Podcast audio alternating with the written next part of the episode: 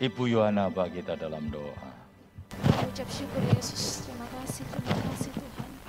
Engkau berikan kami kesempatan Tuhan untuk pagi ini Tuhan. Haleluya. Memuji, memuliakan namamu Tuhan. Amin. Menyaksikan kebesaran namamu Tuhan. Haleluya, Kiranya sebentar Yesus. Tuhan kami siap untuk mendengarkan sabda firman-Mu Tuhan. Berkati setiap kami Tuhan. Siapkan hati kami, telinga kami, pikiran kami Tuhan. Agar apa yang kami dengar Tuhan menjadi rema dalam kehidupan kami Tuhan. Haleluya. Berkati hambamu Tuhan yang akan menyampaikan firman-Mu Tuhan. Lebih-lebih lagi dan lebih lagi Tuhan. Terima kasih, terima kasih Tuhan. Kami siap Tuhan untuk mendengarkan sabda firman-Mu. Di dalam nama Tuhan Yesus. Haleluya. Amin. Amin. Puji Tuhan. Silakan duduk. Selamat pagi. Selamat kita boleh bertemu dalam kasih Tuhan Yesus Kristus. Selamat hari Natal. Semua bersuka cita? Amin. Ya, ini adalah rangkaian acara Natal yang sesi pertama ya. Hari ini padat sekali. Ada empat sesi kita berdoa. Semuanya berjalan dengan baik dan kita boleh merasakan suka cita Natal. Walaupun di tahun ini kita masih dengan cara-cara yang dalam kondisi pandemi, tetapi saya berharap ini tidak mengurangi sukacita Natal kita. Puji Tuhan. Langsung saja kita akan bersama-sama menikmati firman Tuhan ya, tema firman Tuhan terang yang bersinar dalam kegelapan. Keselamatan ya, manusia boleh uh, memiliki pengharapan di dalam Tuhan seperti yang disampaikan di dalam 1 Petrus 2:9 yang kita sudah pe- pelajari beberapa waktu yang lalu tentang gereja. Dikatakan kita ini adalah bangsa yang terpilih, ya, imamat yang rajani, bangsa yang kudus, umat kepunyaan Allah yang telah dipanggil keluar dari kegelapan. Jadi Natal itu inti yang sebenarnya satu Allah mengasihi kita ya. Yohanes 3:16 kas- karena begitu besar kasih Allah kan dunia ini sehingga ia mengaruniakan anak yang tunggal supaya setiap orang yang percaya kepadanya tidak binasa melainkan beroleh hidup yang kekal. Ini adalah penggenapan dari janji Tuhan. Tetapi Natal ini bukan satu rangkaian saja. Kita tahu misi Allah ya. Natal ini adalah awal di mana Allah menyatakan penggenapannya saudara dengan kelahiran Yesus nanti bulan April kita akan menikmati ya yaitu ke Paskah ya. Biasa gitu saudara ya.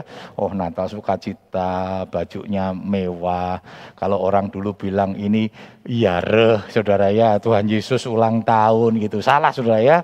Jadi bukan bukan bukan sekedar itu tetapi kita bersukacita karena ini adalah proses dari proses penyelamatan Tuhan dan nanti Paskah, nah Paskah biasanya dibuat suasana sedih ya, menceritakan tentang kelahir eh, kematian Tuhan Yesus Kristus.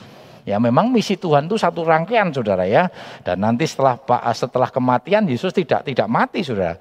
Pada hari yang ketiga dia bangkit menyatakan kuasanya dan Yesus boleh bangkit mengalahkan dosa umat manusia dan setelah itu Yesus naik ke surga. Setelah Yesus naik ke surga, Yesus pernah berjanji dia tidak akan pernah meninggalkan kita sebagai yatim piatu. Tuhan mencurahkan kuasa Roh Kudus. Ya, Yesus mencurahkan kuasa Roh Kudus di loteng Yerusalem ada 120 ya, 120 orang. Padahal yang mengantar 500 Saudara ya, 120 orang yang menantikan di loteng Yerusalem. Dan Yesus naik ke surga. Nah, belum selesai Saudara.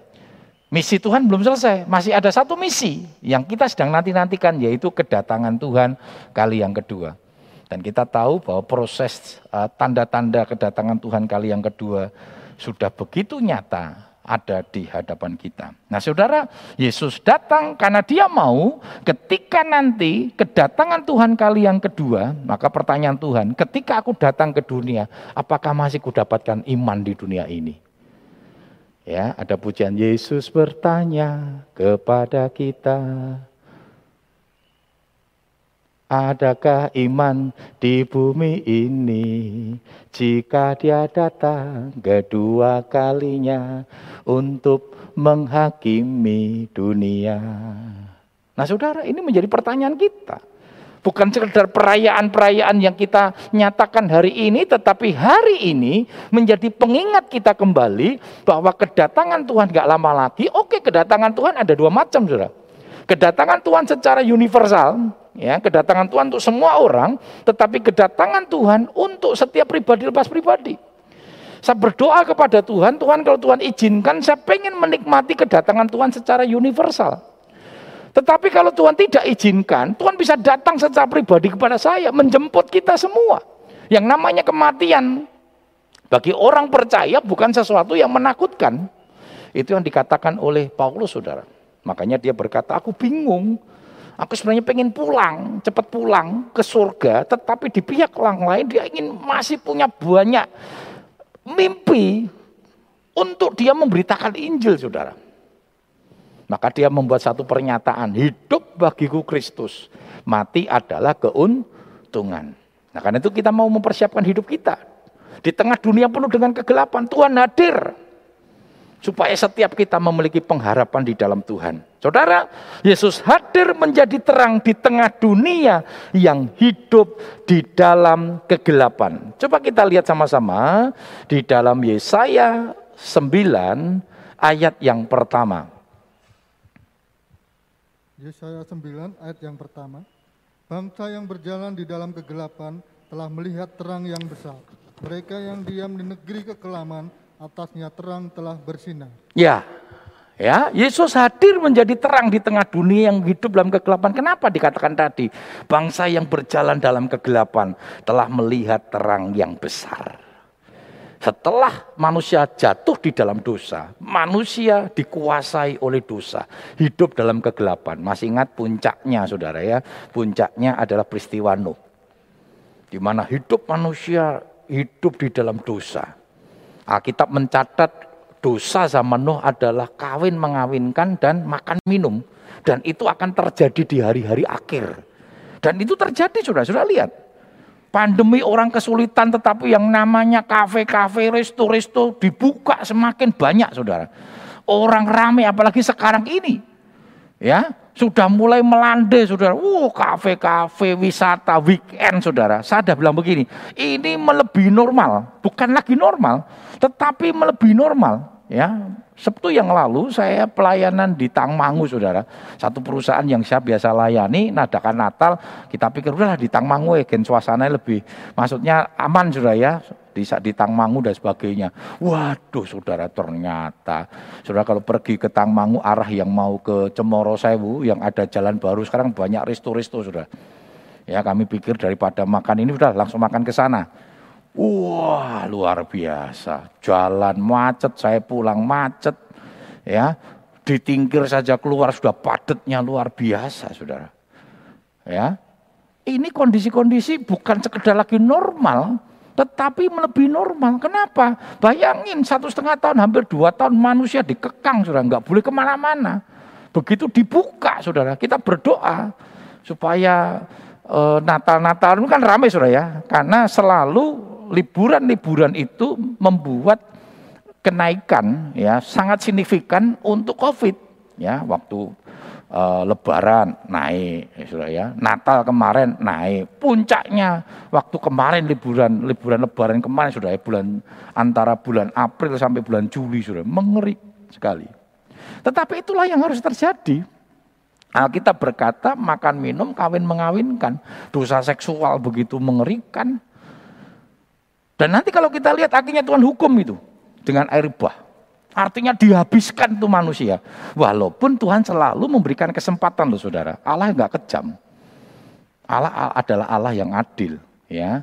Tetap walaupun dia menghukum tetapi Tuhan kasih kesempatan pengharapan apa itu? Bahtera.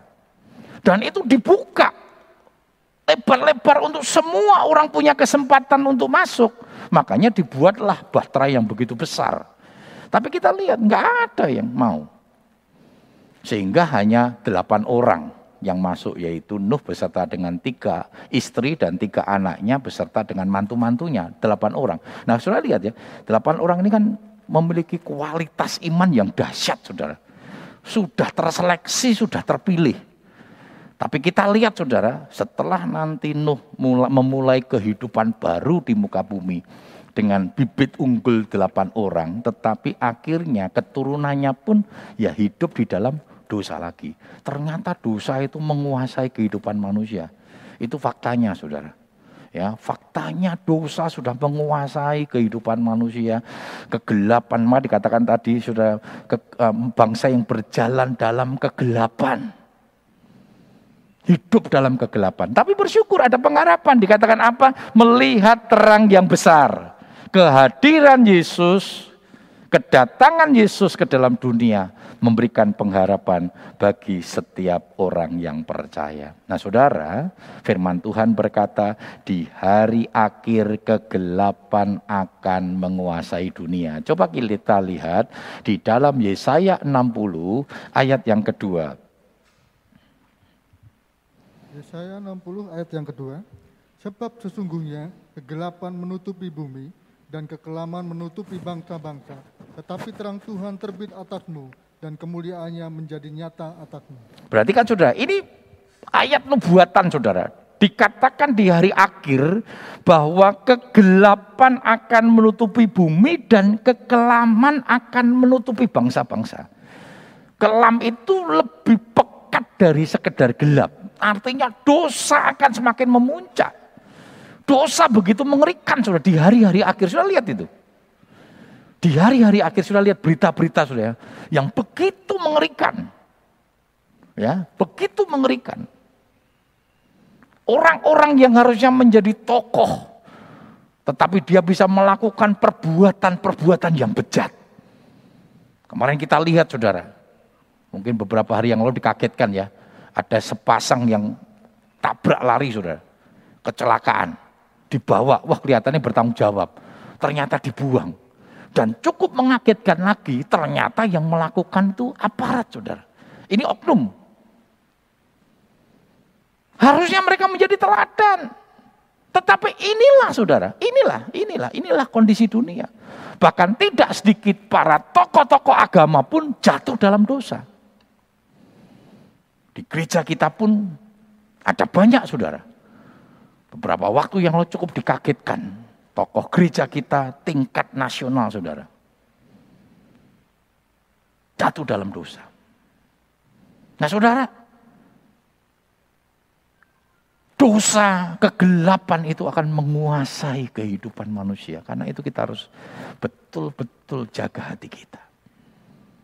Kita harus jaga hati kita. Di hari-hari akhir, maka firman Tuhan katakan mengingatkan ya. Di hari-hari akhir ya kita harus hidup sungguh-sungguh kepada Tuhan. Mendekatkan diri kepada Tuhan. Jangan tinggalkan ibadah-ibadah. Oh ini penting sudah. Tapi pandemi memaksa kita untuk tidak ibadah. Tapi bersyukur kita sudah mulai ibadah offline kembali, tatap muka kembali. Ada banyak jemaat yang ngomong om rapena, om online kira rapena om saudara. Ya toh? Online ini rapi enak saudara. Saya pernah ngomong ya, wis ibadah online sik nganggu piyama daster saudara ya. Karo luwe iso nganggawe popmi lho saudara. Gembalane khotbah keringetan kono karo amen ning cepluk. Haleluya. Amin cepluk saudara ya. Loh ini dunia loh saudara. Ini kondisi-kondisi hari akhir. Nah kalau kita tidak bersikap saudara. Maka saya bilang gak gampang. Walaupun nanti kita sudah normal, saudara. Ya, sudah kondisinya pandemi hilang. Kita sudah memiliki kenormalan yang baru. Konsep ibadah yang baru. Betul nggak saudara? Saya berharap saudara masih kuat mendengarkan khotbah satu jam. Guru-guru pandemi khotbah saya menjadi 30 menit, paling bantar petang puluh menit saudara ya. Ternyata yo penak yo ibadah pandemi ki sak jam seperapat wis mulai. Betul nggak saudara? Kita dulu dua jam loh saudara. Saya naik khotbah mesti minimal satu jam. Kadang satu seperempat. Saudara bisa mendengarkan. Engkau bar, bar ibadah normal, gembalanya khotbah sak jam, wis kleset, kleset. I umi ngerti itu, iki jam piro, khotbah kok suwe ngomong rantai entek katanya. Lu firman Tuhan kok rantai entek, firman Tuhan tidak akan habis saudara. Amin. Amin. Siap dengarkan khotbah satu jam? Haleluya. Allah nih saudara, Alon ini karena mergo iso isi adem atau karena memang rasalah om pandemi saja terus kita pertahankan. Ibadah prokes kita akan pertahankan. Wah saudara ya luar biasa. Oh wong panjang baik cedak podo jauh dekat sama saja ya saudara ya. Oh, sudah gembala tuh kadang pengen mencurahkan ya. Kalau Tante Mary sudah ya, Tante Mary gembala saya di Jakarta itu dua jam sudah bisa. Ya dia ngomong gini, wah saya tuh nek pengen uh, tak berikan semuanya kepada jemaat luar biasa sudah ya. Nah sudah inilah kondisi-kondisi hari akhir ya kegelapan akan menguasai bumi. Nah, sudah kita akan melihat sama-sama hidup manusia di akhir zaman akan dikuasai oleh kegelapan. Dan ini coba sudah perhatikan, ini sudah terjadi atau belum? Ya, 2 Timotius 3 ayat 1 hingga yang kelima. Sembari uh, membaca, sembari kita melihat ini sudah terjadi belum? 2 Timotius 3 ayat 1 sampai yang kelima. Ketahuilah bahwa pada hari-hari terakhir akan datang masa yang sukar Manusia akan mencintai dirinya sendiri dan menjadi hamba uang. Mereka akan membual dan menyombongkan diri. Mereka akan menjadi pemfitnah. Mereka akan berontak terhadap orang tua dan tidak tahu berterima kasih. Tidak mempedulikan agama. Tidak tahu mengasihi. Tidak mau berdamai. Suka menjelekkan orang. Tidak dapat mengekang diri. Garang. Tidak suka yang baik. Suka mengkhianat. Tidak berpikir panjang. Berlagak tahu. Lebih menuruti hawa nafsu daripada menuruti Allah Secara lahiriah mereka menjalankan ibadah mereka, tetapi pada hakikatnya mereka memungkiri kekuatannya. Jauhilah mereka itu. Perhatikan saudara, sudah terjadi? Nyata di tengah kita? Terjadi sudah. Ya, manusia mencintai dirinya sendiri sudah tahu kita saudara. Ya, dikatakan menjadi hamba uang, membual, menyombongkan diri. Perhatikan saudara, saya tidak tahu apakah KPI tidak bergerak saudara ya. Sudah banyak konten-konten yang menyebut dirinya sultan. Betul nggak saudara? HP sekian harganya puluhan juta. Dia menunjukkan bahwa dia sultan, dia buang-buang saudara. Dilindes, duit. Loh, wong banyak loh orang-orang yang membutuhkan saudara. Saya nggak tahu ke apakah KPI kenapa diam saja. Betapa bangganya menunjukkan kekayaan-kekayaan, nyombongkan diri. Bukan karena kita cemburu pengen saudara. Tapi dia lupa orang yang sombong dihajar oleh Tuhan saudara. Ini terjadi saudara. Memberontak. ya Tidak menghormati orang tua. Berontak sama orang tua. Lihat ini hari-hari ini. Banyak anak nuntut sama orang tuanya goro-goro warisan. Padahal warisan haknya orang tua. Anak nuntut warisan. Ada seorang ibu yang ngambil pohon di rumah. Padahal ya seberang-seberangan rumahnya ibunya sama anaknya. Dituntut saudara. Saya nggak tahu ini otaknya di mana itu, pikirannya di mana, kasihnya di mana. Dia nggak mikir bagaimana dia bisa bertumbuh itu karena orang tua saudara. Sekarang banyak anak-anak kurang ajar sama orang tuanya. Nggak ada hormat. Ini terjadi hari-hari akhir. Mereka beragama kelihatannya kan, secara lahirnya menjalankan ibadah, tetapi mereka memungkiri kekuatan mereka. Ibadah hanya sebuah aktivitas, celebration, perayaan-perayaan, saudara. Padahal bukan itu. Ibadah yang sesungguhnya adalah bagaimana kita menyembah Tuhan dan menyenangkan hati Tuhan. Sekarang kan ibadah dibalik, saudara. Dibuat supaya kita seneng. Dibuat suasananya begini begitu. Dibuat ruangan yang supaya kita seneng. Salah. Ibadah itu membuat Tuhan senang.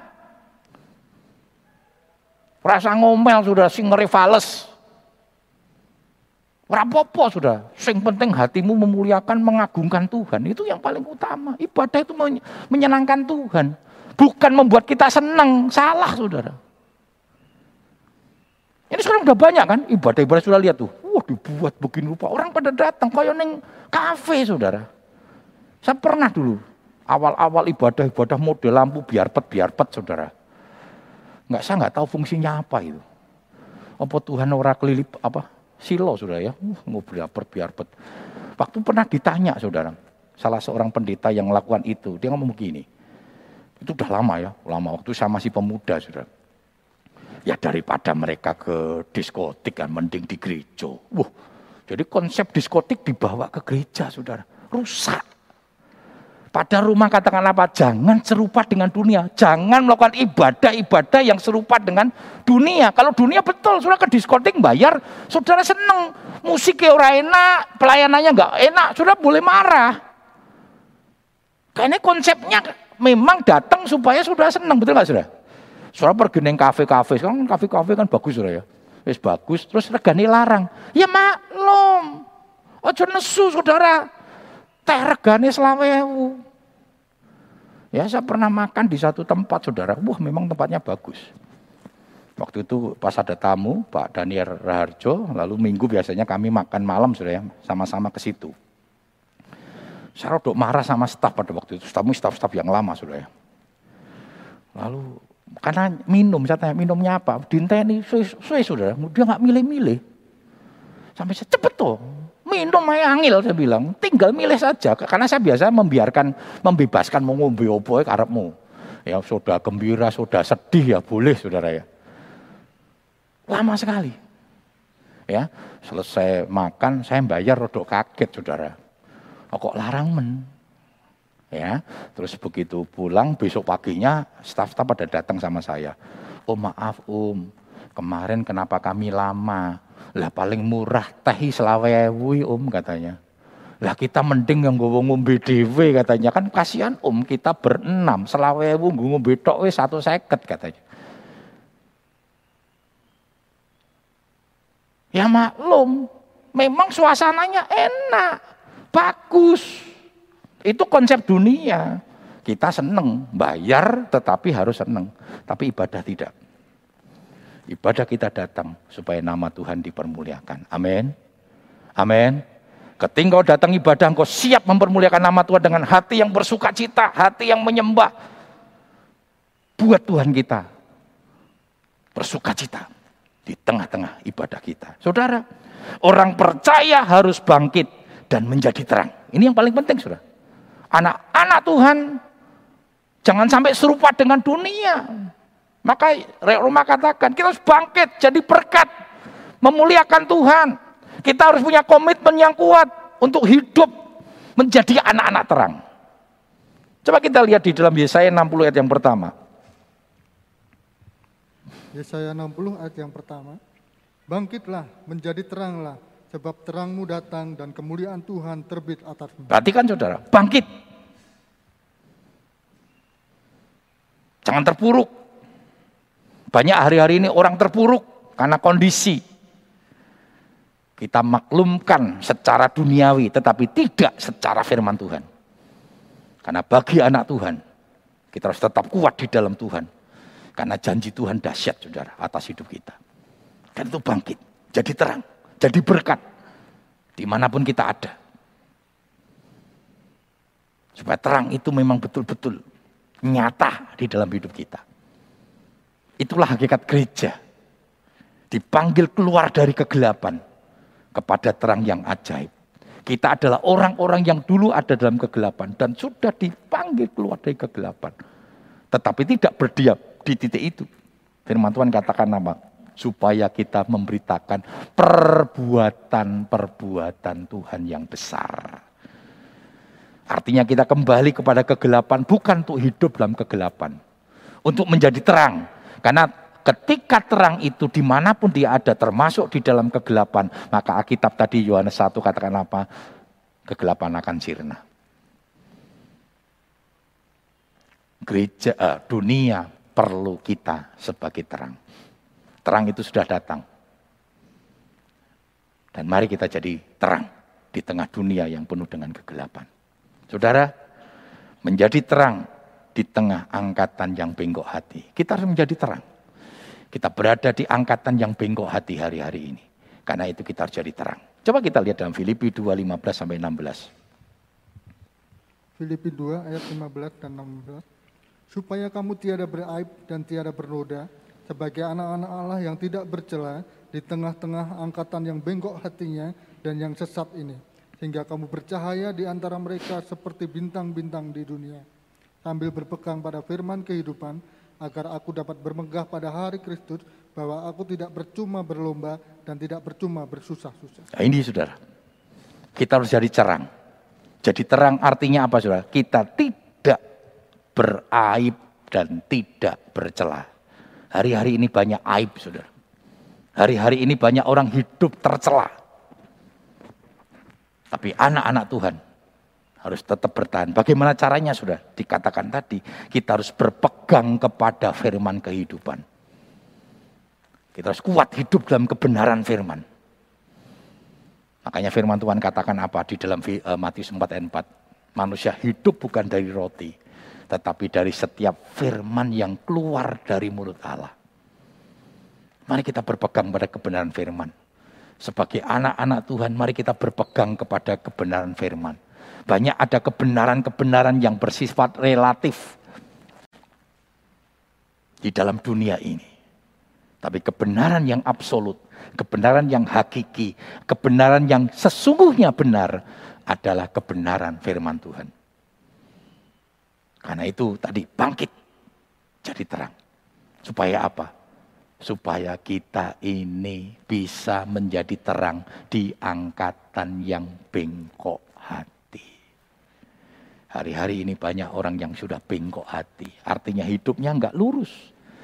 Hidupnya tidak sesuai dengan firman Tuhan. Jangan sampai kondisi-kondisi manusia akhir zaman itu menimpa hidup kita. Dan kita harus berbeda sudah. Kami katakan tadi, kita harus berbeda. Kita bagian bintang yang berbeda. Walaupun manusia-manusia yang bengkok hati itu hidup tidak memperdulikan agama, memberontak sama orang tua, membual, egois dan sebagainya.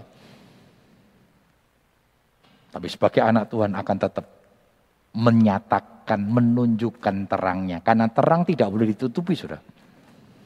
Karena ketika engkau terang di mana pun kau ada, kau jadi terang. Kecuali saudara tutup terang itu dengan gantang. Nah gantang nanti kalau kita bicara di perjanjian lama itu bicara tentang dosa. Jangan sampai terang kita ditutup dengan dosa, saudara. Karena sirna, mati dikatakan dalam Matius 5 ya. Maka terang itu akan mati. Mari pesan Natal kita pada tahun ini. Biarlah terang itu terus bersinar di tengah kegelapan. Siapa itu terang? Kita semua terang. Mari kita di mana pun sudah tempatkan kita. Kalau kita membaca di dalam kisah 1 ayat 8 dikatakan jadilah saksi di Yerusalem, di Yudea, Samaria sampai ke ujung bumi. Jadilah saksi, jadilah terang. Saksi bicara tentang terang. Di mana? Di Yerusalem. Apa itu Yerusalem? Yerusalem ada di mana? Orang yang paling terdekat kita. Di keluargamu, di pekerjaanmu, di lingkunganmu. Jadi berkat, jadi terang. Dan jangan sampai terang itu menjadi mati karena ditutup dengan gantang, ditutup dengan dosa. Biarlah firman Tuhan ini menjadi berkat kita semua dan memotivasi kita menghadapi hari-hari akhir ini. Sementara kita hidup penuh dengan kegelapan, tetapi terang itu akan tetap bersinar. Kita tetap menjadi terang bagi kemuliaan nama Tuhan. Mari kita berdoa. Hati kami penuh ucapan syukur Tuhan. Pagi yang indah ini firmanmu sudah dibentangkan bagi kami. Mengingatkan kami kembali bahwa kami adalah terang. Dan terang selalu memiliki hakikat. Dia menguasai kegelapan.